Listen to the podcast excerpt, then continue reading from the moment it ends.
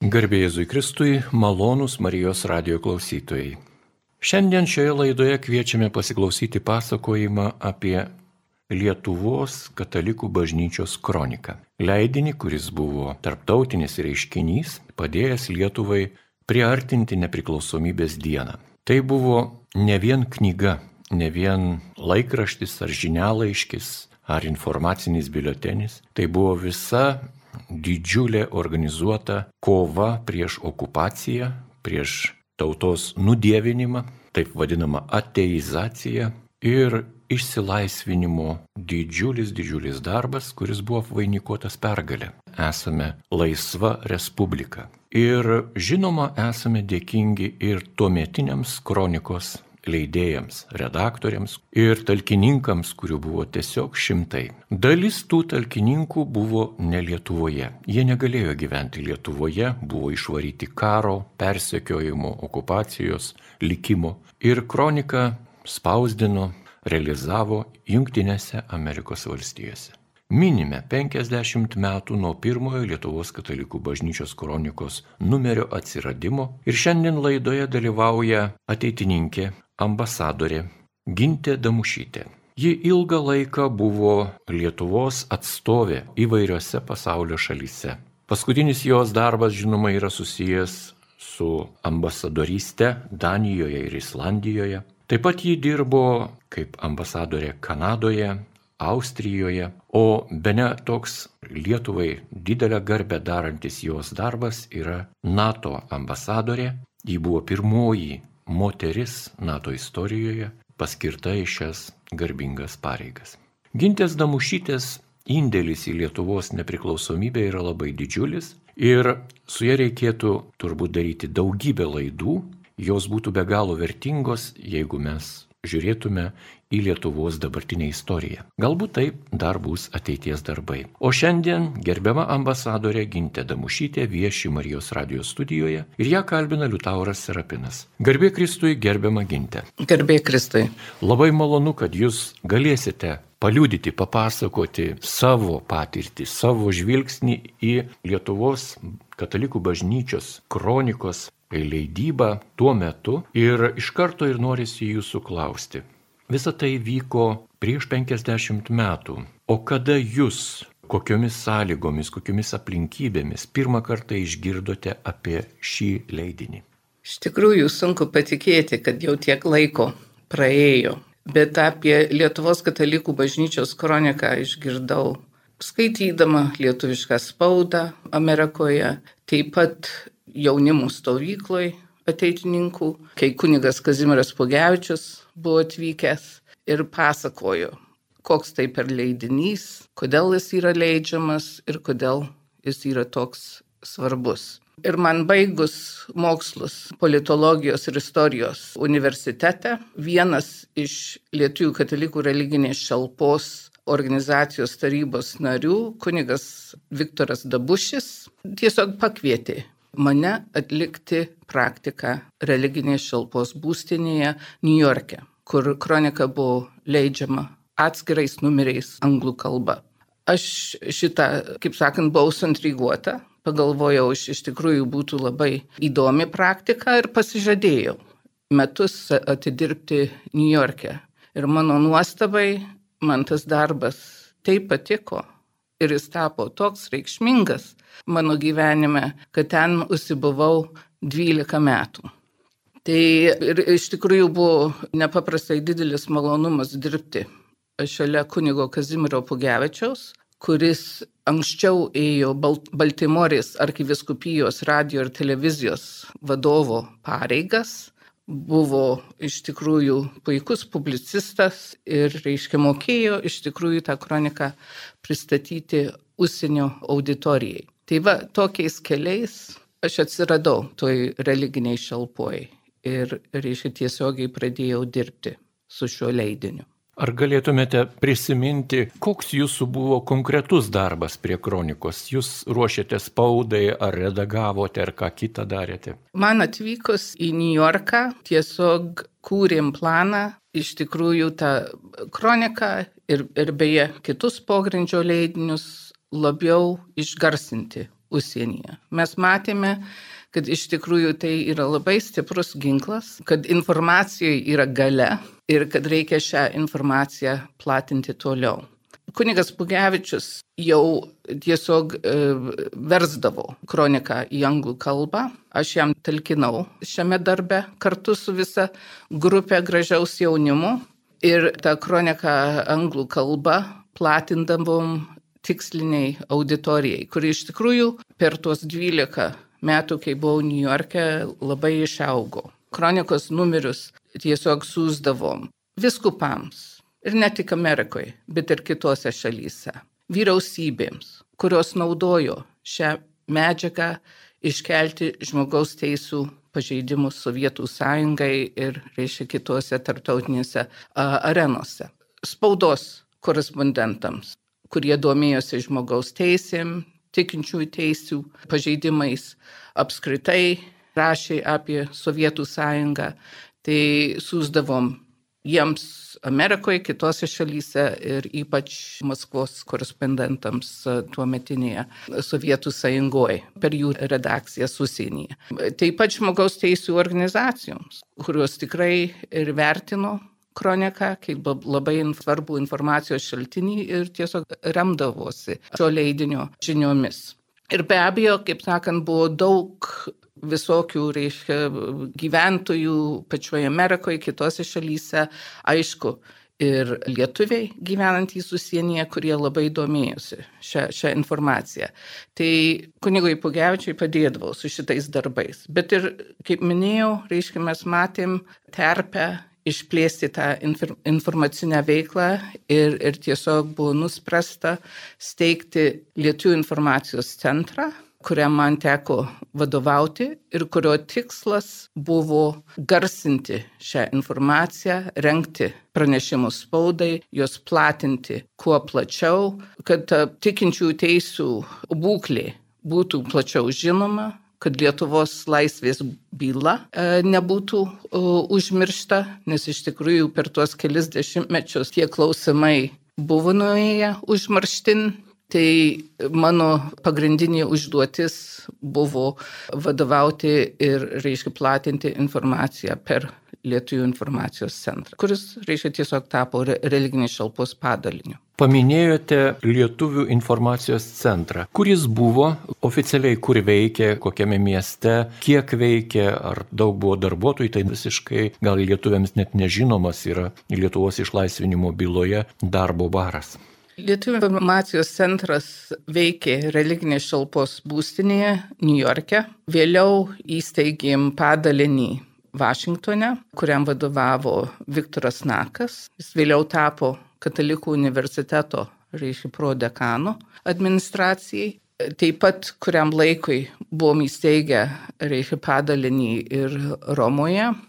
Ir, kaip sakant, ten dirbom mes keli pilnu etatu, bet turėjom tikrai, reiškia, labai daug savanorių, ypač iš jaunimo pusės, kurie su malonumu mums padėdavo rinkti informaciją ir, ir platinti informaciją, nes vien tas fizinis darbas, kaip sakant, daug atimdavo, reikėdavo pranešimus spaudai atspausdinti, ten šimtais egzemplioriais platinti, ypač platinant kronikos atskirus numerius, tai dar daugiau tų egzempliorių buvo, nu, keli tūkstančiai kiekvieno numerio, tai, kaip sakant, nemažai to administracinio, reiškia, darbo, darbo buvo. O informacijos centro ta veikla aš vis prisimenu, kaip jau prieėm prie to sprendimų kurti šitą padalinį ir tikrai iš tikrųjų Amerikos lietuvių Romos katalikų kunigų vienybė buvo tų atskirų numerių remėja, finansuotoja, jeigu taip galima, reiškia pasakyti, labai, reiškia, stipriai palaikė informacijos centro idėją. Iš tikrųjų, reiškia, dvasiškai, kurie dalyvavo religinės šalpos taryboje, buvo labai pažengus ir suprato reikalą ir, ir, ir tikrai pilnai pritarė tai informaciniai veiklai. Ta veikla labai įsiplėtė, neapsiribojo vien tik pranešimai spaudai, pradėjo, reiškia, mus kviest, pavyzdžiui, komentuoti Lietuvos padėtį radijoje, televizijoje.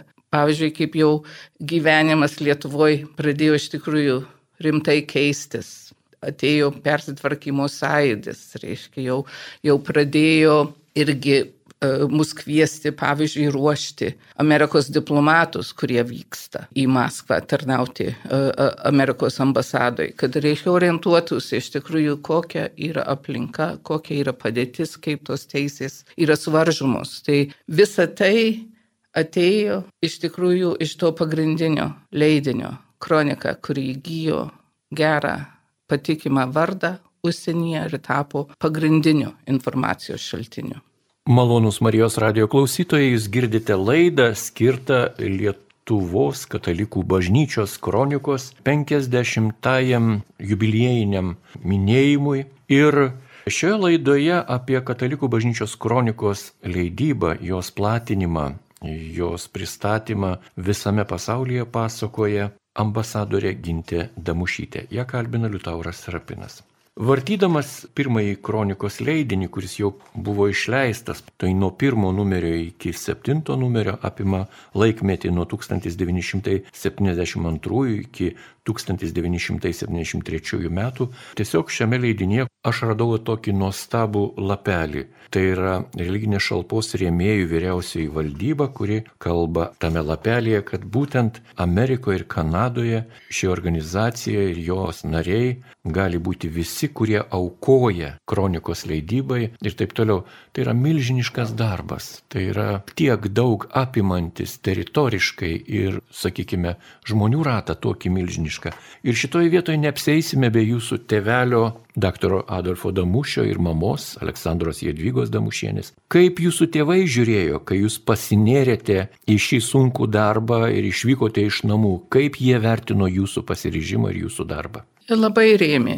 Tėvas mano puikiai žinojo, kad aš labai do, domėjausi rezistencinę veiklą, pagrindę dėl jo pačio biografijos. Ir iš tikrųjų džiaugiasi, kad apsėmiau šitą darbą, galbūt nesitikėjau, kad taip ilgai tame darbe įsilaikysiu, jo lab, kad, reiškia, paskui įstosiu į Lietuvos diplomatinę tarnybą, bet aš į visą tą procesą žiūrėjau kaip į labai natūralų procesą, tokia natūrali eiga. Galima sakyti, ta kronika padėjo mane privesti prie persikėlimo į Lietuvą, prie įstojimo į diplomatinę tarnybą ir iš, iš tikrųjų savo gyvenimą siejau. Reiškia su, su Lietuva ir su, su šio, šio leidiniu, atvirai pasakius. Tai jie labai, kaip sakant, iš tikrųjų rėmė ir paskui patys persikėlė į Lietuvą, reiškia grįžo nuolatiniam gyvenimui. Tai čia buvo toks sprendimas mūsų trijų šeimoje, kurį tikrai, kaip sakant, džiaugiamės, kad uh, tokį sprendimą prieimėm ir, ir ne, ne, nesigailėjom, kad ryžomės tokiam dideliam, reiškia, gyvenimą apverčiančiam žingsniui.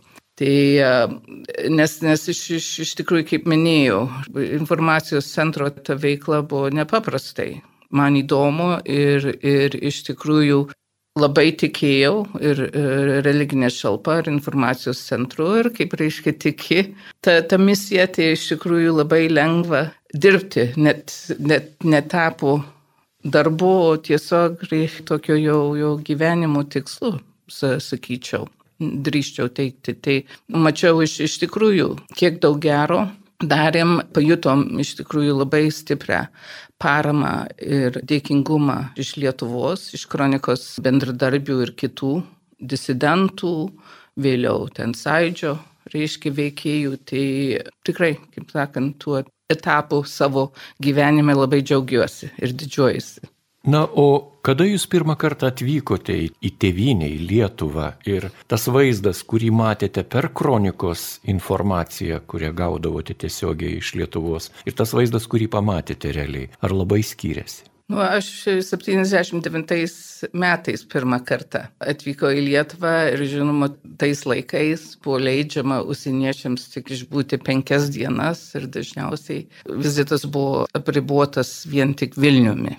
Tai per tas penkias dienas teko reikia paragauti visko ir, ir sak, saklius pajusti ir išgirsti tiesos žodį, Ne, ne tik iš kronikos bendradarbių, iš tikrųjų galbūt net ir kronikos bendradarbiais nebuvo tokio tiesioginio kontakto, bet su, su tėvų bendraminčiais, kurie tą gyvenimą gerai pažinojo ir, ir daug ką įdomiai man ir mano broliui, kuris mane lydėjo į tą kelionę, atskleidė. Pamatėm iš tikrųjų tą priespaudą, tą, tą vargą, tuo metinį, kur jau daug kas užmiršo, iš tikrųjų, kaip atrodė tas kasdienis gyvenimas, tai iš, iš tikrųjų paveikė. O vėliau, rodos, 84 metais turėjau galimybę vėl vykti į kabutėse Sovietų sąjungą. Tikėjausi, kad bus įmanoma ir nuvykti į Lietuvą, nes aš vykau su ekumeninė delegacija. Iš tikrųjų buvo istorinė tokia grupė, apie 300 žmonių. Čia buvo protestantų bažnyčios organizuojama kelionė, taikos kelionė. Ir iš tikrųjų toj grupiai buvo labai daug tokių naivių amerikiečių, kurie, reiškia, niekad nebuvo matę. Užsienio jo lab reiškia tarybinės tikrovės. Tai jau toj kelioniai Iš tikrųjų labai stipriai pajutau tą sovietinę tvarką ir buvau sekama ir tada turėjau progą slaptai susitikti su kronikos bendradarbiu Maskvoje, kuris specialiai, reiškia, atvyko susitikti ir, reiškia, tikslas mano buvo jam perduoti paramos. Tai viskas buvo daroma super slaptai, nors, kaip sakant, pajutom, kad reiškia jau mūsų seka ir, ir iš tikrųjų tas susitikimas buvo vėliau ap aprašytas tarybiniai spaudoje ir žinoma, kaip sakant, su propagandos kvapeliu. Tai, sakant, man tie klausimai nebuvo naujovė, aš labai tą gyvenimą sakiau ir, kaip sakant, gyvendama Amerikoje ir komentuodavau ir aprašydavau, tai, kaip sakant, didelių surprizų nebuvo. Gal ir iki šios dienos jums yra išlikęs koks nors kronikos reportažas, pasakojimas, kuris jums įstrigo, kuris padarė didžiulį na, įspūdį ir iki šiol pamenate? Žinot, tų atvejų buvo tiek daug, dabar skirti vieną būtų sunku, bet aš galiu, reiškia, prisiminti atvejį, kai jau truputį atsivėrė gyvenimas Lietuvoje ir pradėjom tiesiogiai susiskambinti su kronikos bendradarbiais. Ir atsimenu vieną pokalbį su seselė Niolė Sadūnaitė, kuri niekada nebijojo atvirai kalbėti. Ir, reiškia, mums bekalbant, pasakoju atskirus ten persikiojimo atvejus, komentavo įvykius tuo metinius Lietuvoje ir aš galėjau girdėti, kaip į jos langą ir duris beldžiasi saugumiečiai, jau į man telefono pasakoja, kad zuja aplink jos būtą ten apie, reiškia, 15-20 saugumiečių. Tai apėmė toks iš tikrųjų beviltiškumo jausmas, kad negalime kaip nors, reiškia, tiesiogiai padėti, bet jinai ramino, ji tiesiog demonstravo nuostabę drąsą, kaip visada, ir bekalbant jau pasidarė net ne taip jau baisu, nes, kaip sakant, jai pačiai ne, ne, nebuvo baisu. Tai, man atrodo, atsivėrė galimybės jau užmėgsti tą tiesioginį kontaktą ir aš jaunimui pasakoju. Reiškia, jie ne, ne, negali įsivaizduoti, kad kartais, kai prašydavom sujungti telefono pokalbį su dar okupuota Lietuva, kad kartais tekdavo laukti to sujungimo 10 ar 15 valandų. Va, kaip komunikacija buvo apribojama ir apsunkinta, reiškia, tuo metu. Tai va, man tas atvejis labai įstrigo į atmintį. Dėkui už prisiminimus, jie tikrai tokie unikalūs, turbūt daugeliu radio klausytojų. Tai, ką šiuo metu jūs pasakojate, yra naujiena, nes patikėti tais dalykais yra dabar sunku, bet tuo metu tai buvo tikrai visiškai normalus ribojimo, persekiojimo, niekinimo, draudimo ir visokio kitokio teroro kasdienybė tai buvo, tikrai kasdienybė. Gal grįžtant prie Lietuvos katalikų bažnyčios kronikos, gal jums yra žinoma, į kiek pasaulio šalių buvo išversta kronikos medžiaga ir kaip toli plito kronikos puslapiai, informaciniai biuleteniai ir ką kita. Taip aš turėčiau išskirti kelis atvejus. Pirmiausia, kronika buvo leidžiama Tomais, kaip, kaip minėjote, Čikagoje, kunigo Kuzminsko Ir iš tikrųjų tie tomai buvo skiriami lietuviams arba, reiškia, institucijoms, kaip, reiškia, kronika pradėjo versti ir į kitas kalbas, pavyzdžiui, prancūzų, į ispanų, rodos į italų. Tai jo vadovaujama ta operacija irgi, kaip sakant, buvo labai svarbi, nes kaip sakant, iš tikrųjų patys lietuviai labai norėjo turėti kronikos numerius ir, kaip sakant, jau šitai auditorijai jis tą medžiagą ir parūpindavo.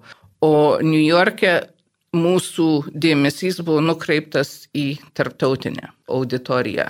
Kaip minėjau, buvo leidžiami atskiri numeriai, ten po kelis tūkstančius egzempliorių. Bendroji sumoji aš spėju, kad mūsų tiražas per visus tuos metus turbūt viršijo 250 tūkstančių egzempliorių. Tai kronika keliavo plačiai ir turėčiau pabrėžti, kad tai buvo vienas iš pagrindinių informacijos šaltinių vyriausybėms, kurios dalyvavo Helsinkio baigiamojo akto susitikimuose. Tai buvo tarptautinis susitarimas, kuris buvo primtas Helsinkyje 70 rodos trečiais metais ir tikslas buvo sudaryti tokią rytų vakarų dialogo platformą, kur būtų aptariami aktualūs rūpimi klausimai, įskaitant ir žmogaus teisų padėtis valstybėse narėse. Tai iš tikrųjų lietuviai pradėjo išnaudoti, kaip ir reiškia kitų pavirktų šalių atstovai, šitą formatą pristatyti žmogaus teisų pažeidimus. Tai ir tokios lietuvių organizacijos kaip Vlikas, pasaulio lietuvių bendruomenė, JAV lietuvių bendruomenė, Kanados lietuvių bendruomenė. Aš dažnai buvau siunčiama kaip lietuvių informacijos centro atstovė į nevyriausybinių organizacijų paralelinę konferenciją, kur, reiškia, turėjom progą pristatyti mums rūpimus klausimus ir tuo pačiu vykdyti lobizmą su vyriausybėmis ir jiems perduoti šią medžiagą. Tai nemažai tos medžiagos rėmėsi Lietuvos katalikų bažnyčios kronika ir aišku, žinai, kitais pogrindžio leidiniais. Tai vien tik šiame formate pasiekdavom 35 valstybės. Ir aišku, tų valstybių korespondentus spauda irgi aktyviai dalyvaudavo šiuose, reiškia, periodiniuose susitikimuose, kur šie klausimai buvo diskutuojami vyriausybių. Ir aišku, Sovietų sąjunga buvo priversta aiškintis ar, ar pasisakyti tais klausimais. Į mus New York'e pradėjo kreiptis ir spaudos šaltiniai. Aš atsimenu, kaip steigėm Lietuvų informacijos centrą, tai amžina atilsį Romas Sakodolskis, kuris tu, tuo metu vadovavo Amerikos balsui, man sakė, žinot, jums bus sunku įgyti patikimumą, nes spauda jūs žiūrės kreivai. Jūs esat kabutėse rytų emigrantų tendencingas informacijos šaltinis. Tikrai, reiškia, jūsų informacijos nenaudos. O mes užsimerkim akis į tokią kritiką ir sakom, mes galvojam, kad jeigu mes dirbsim profesionaliai, perduosim tą medžiagą patraukliai, kad vis dėlto įveiksim šitą barjerą. Ir taip ir atsitiko. Tai atsimenu, kaip ir žinomo Amerikos televizijos kanalo korespondentas, labai jau matomas, gar, garsus korespondentas, apsilankė mūsų kuklioj būstinėje New York'e. Toks Garrick Atley iš NBC te televizijos kanalo ir, reiškia, norėjo iš arti susipažinti su tą kroniką, jis ruošėsi vykti į Sovietų sąjungą ir norėjo prašyti tą visą disidentinį judėjimą. Ir, ir iš, tikrųjų parengė tikrai labai įdomų reportažą apie Lietuvą. Kaip minėjau, ją valstybės departamentas e, remdavosi mūsų informaciją, ypač kritiniais laikotarpiais, kaip pavyzdžiui buvo paskelbta ekonominė blokada arba per sausio 13-osios įvykius. Tai irgi, kaip sakant, jie labai vertino tą kroniką, kuris, kuri atvedė iki šio atgimimo laikotarpio ir, kaip sakant, jie matė, kad mes esam patikimas šaltinis ir, ir tiesiog jie rinko informaciją iš mūsų apie sausio 13 įvykius, be, be aišku, per savo, reiškia, jau atstovus reiškia, tarybų sąjungoje tuo, tuo metu, bet ir, reiškia, atvirai pasakė, kad labai rėmėsi mūsų informacija. Tarptautinė amnestija, pasaulinio masto organizacija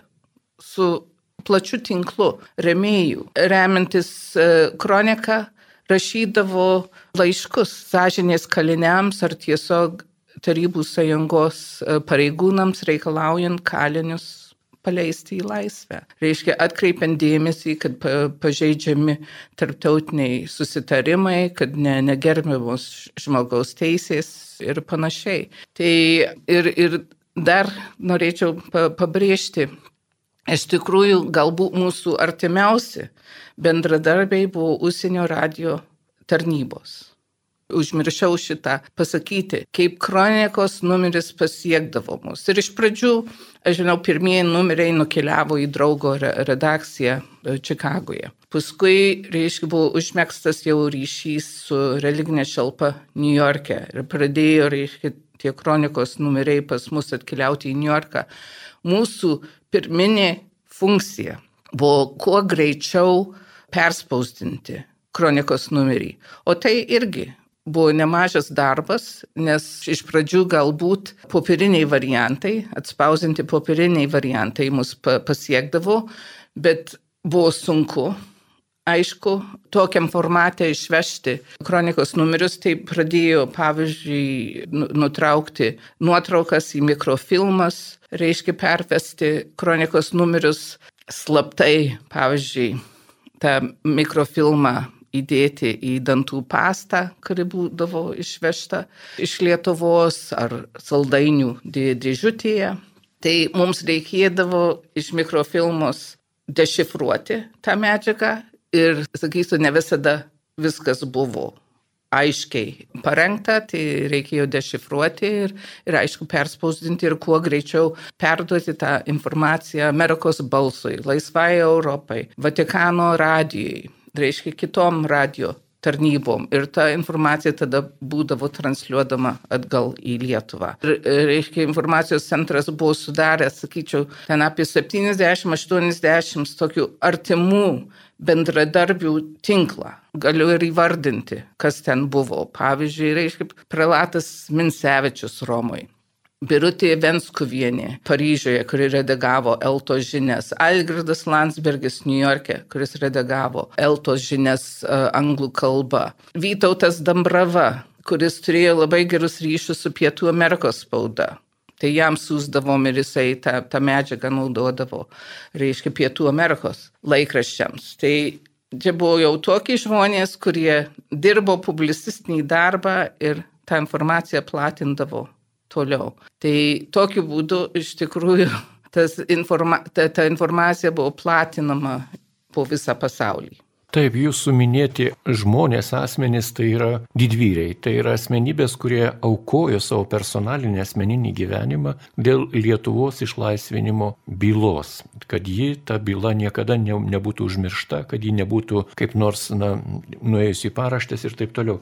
Net pirmajame įspausdintame jau kronikos rinkinyje 1973 metų sudėtų kronikų bendrame leidinyje aš randu tokį tekstą, kad nuo 1973 metų pradžios Lietuvos katalikų bažnyčios kronika virto dokumentu, iš kurio padėti Lietuvoje vaizdavo opinijos informuotojai kongreso nariai, politinės padėties vertintojai naudojosi kronikos informacijom, konstatuodami žmogaus teisų paneigimą ir tautoje besireiškinti pasipriešinimą, kurio sovietam nepasisekė užgneušti ir lietuvių sutirpinti rusiškoje jūroje. Tai prašo kronika. Nuostabu yra tai, kad ir jūsų dėka, būtent religinės šalpos rėmėjų ir vyriausios valdybos dėka, jūs netgi pasiekėte katalikų bažnyčios atstovus Junktinėse Amerikos valstijose. Po Kalanto susideginimo tragedijos kilo balsai Amerikos katalikų viskupų konferencijoje ir jos pirmininkas kardinolas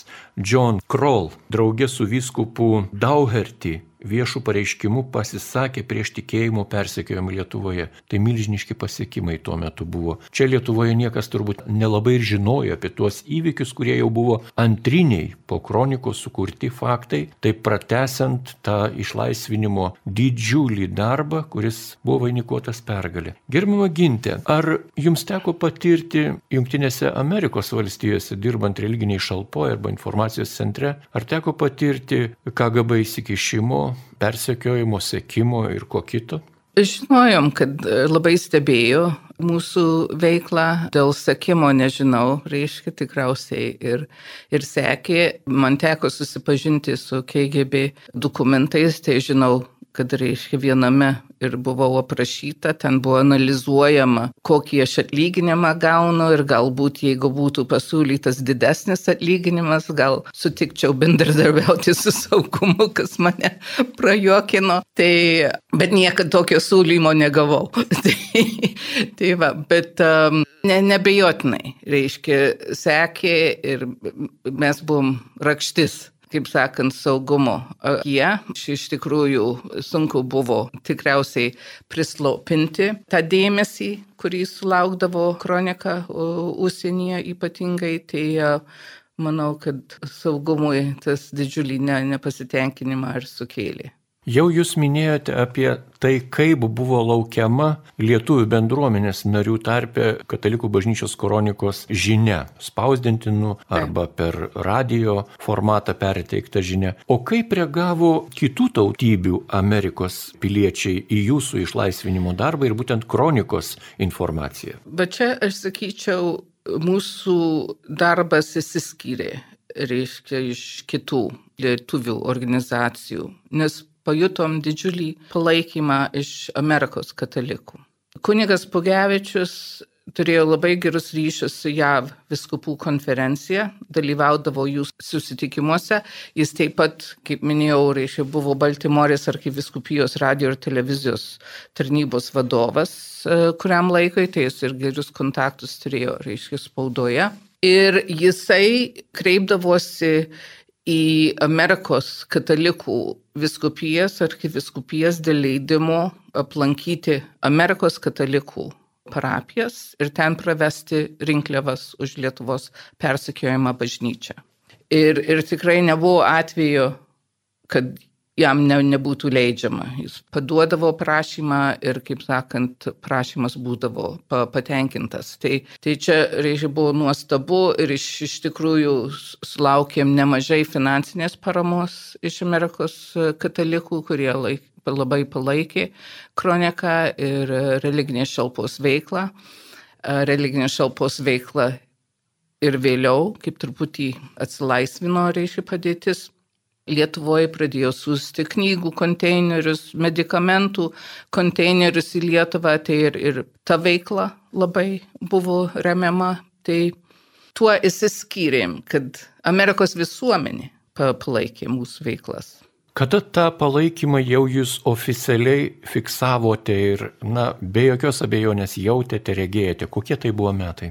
O, aš sakyčiau, gana, gana anksti, kaip aš pradėjau e, dirbti 79 metais, jau, jau tai buvo, buvo jaučiama. Per tokį trumpą laiką, nuo 1972 iki 1979 metų buvo pasiektas toks aukštas lygis. Kaip Jūs manot, kodėl taip sekėsi? Ar dėl tos didelės skriaudos patirtos čia Lietuvoje tėvinėje, ar dėl kokių kitokių? Nu, reikia pripažinti, kad Junktinės Amerikos valstijos galbūt ir stipriausiai palaikydavo žmogaus teisės, pagrindinės laisvės, nuolat, reiškia, garsiai keldavo pažeidimų atvejus ir Amerikos visuomenė iš tikrųjų labai palaikė šitą valstybės po politiką. Vis vien Amerika yra pristatoma kaip laisvųjų šalis, stipriausia de demokratija pasaulyje, tai visuomenė natūraliai labai tai remia.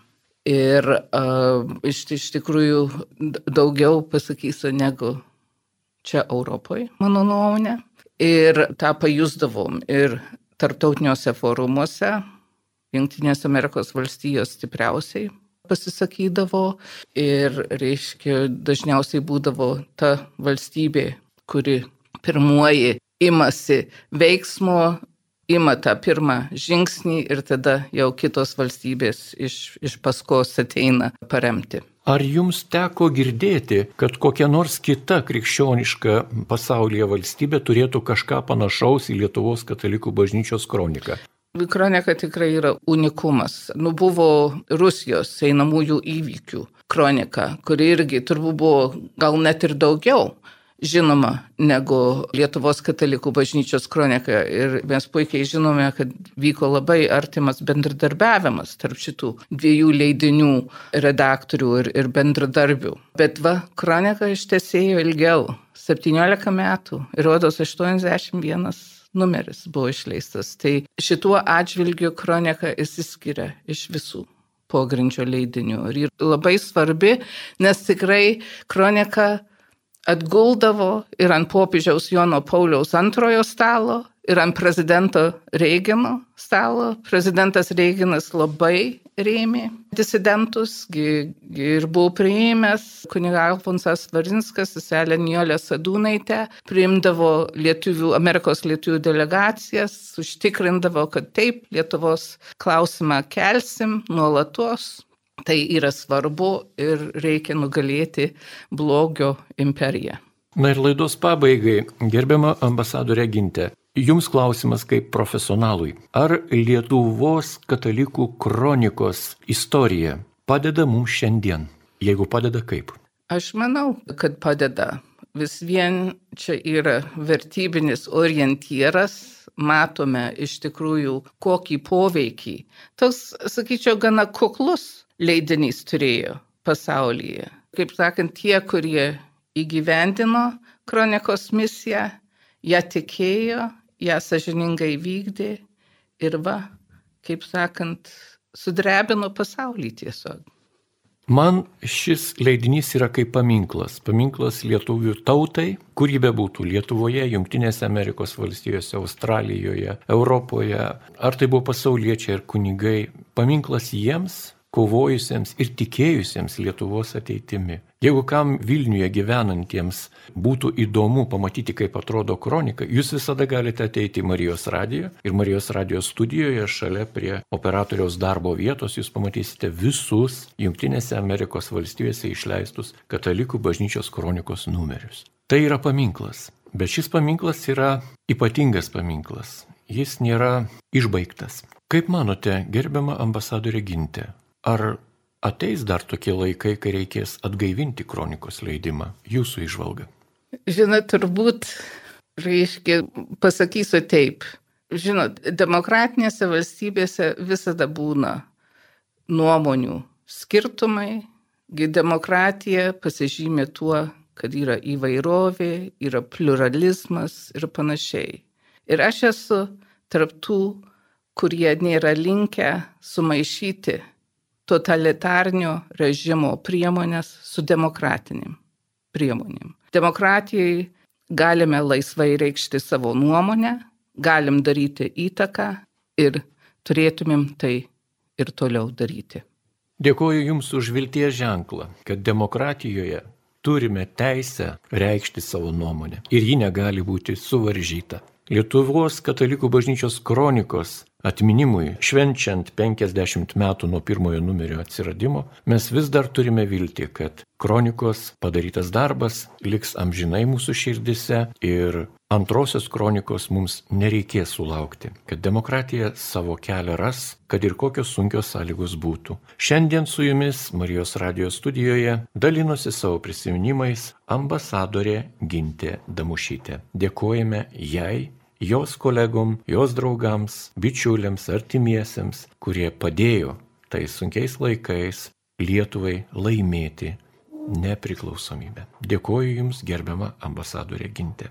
Ačiū, Lutaurai. Dėkoju Jums už šią valandėlę, už tokį prasmingą laiką skirtą Lietuvos piliečiams. Ir tikimės, jog gerbiami radio klausytojai, kurie klausėsi šios laidos, jie supras, kaip svarbu yra žinoti savo praeitį, savo istoriją, jau vien dėl to, kad būtume nebejingi jos ateičiai. Su jumis kartu buvo ir Liutauras Serapinas, likite su Marijos radiju.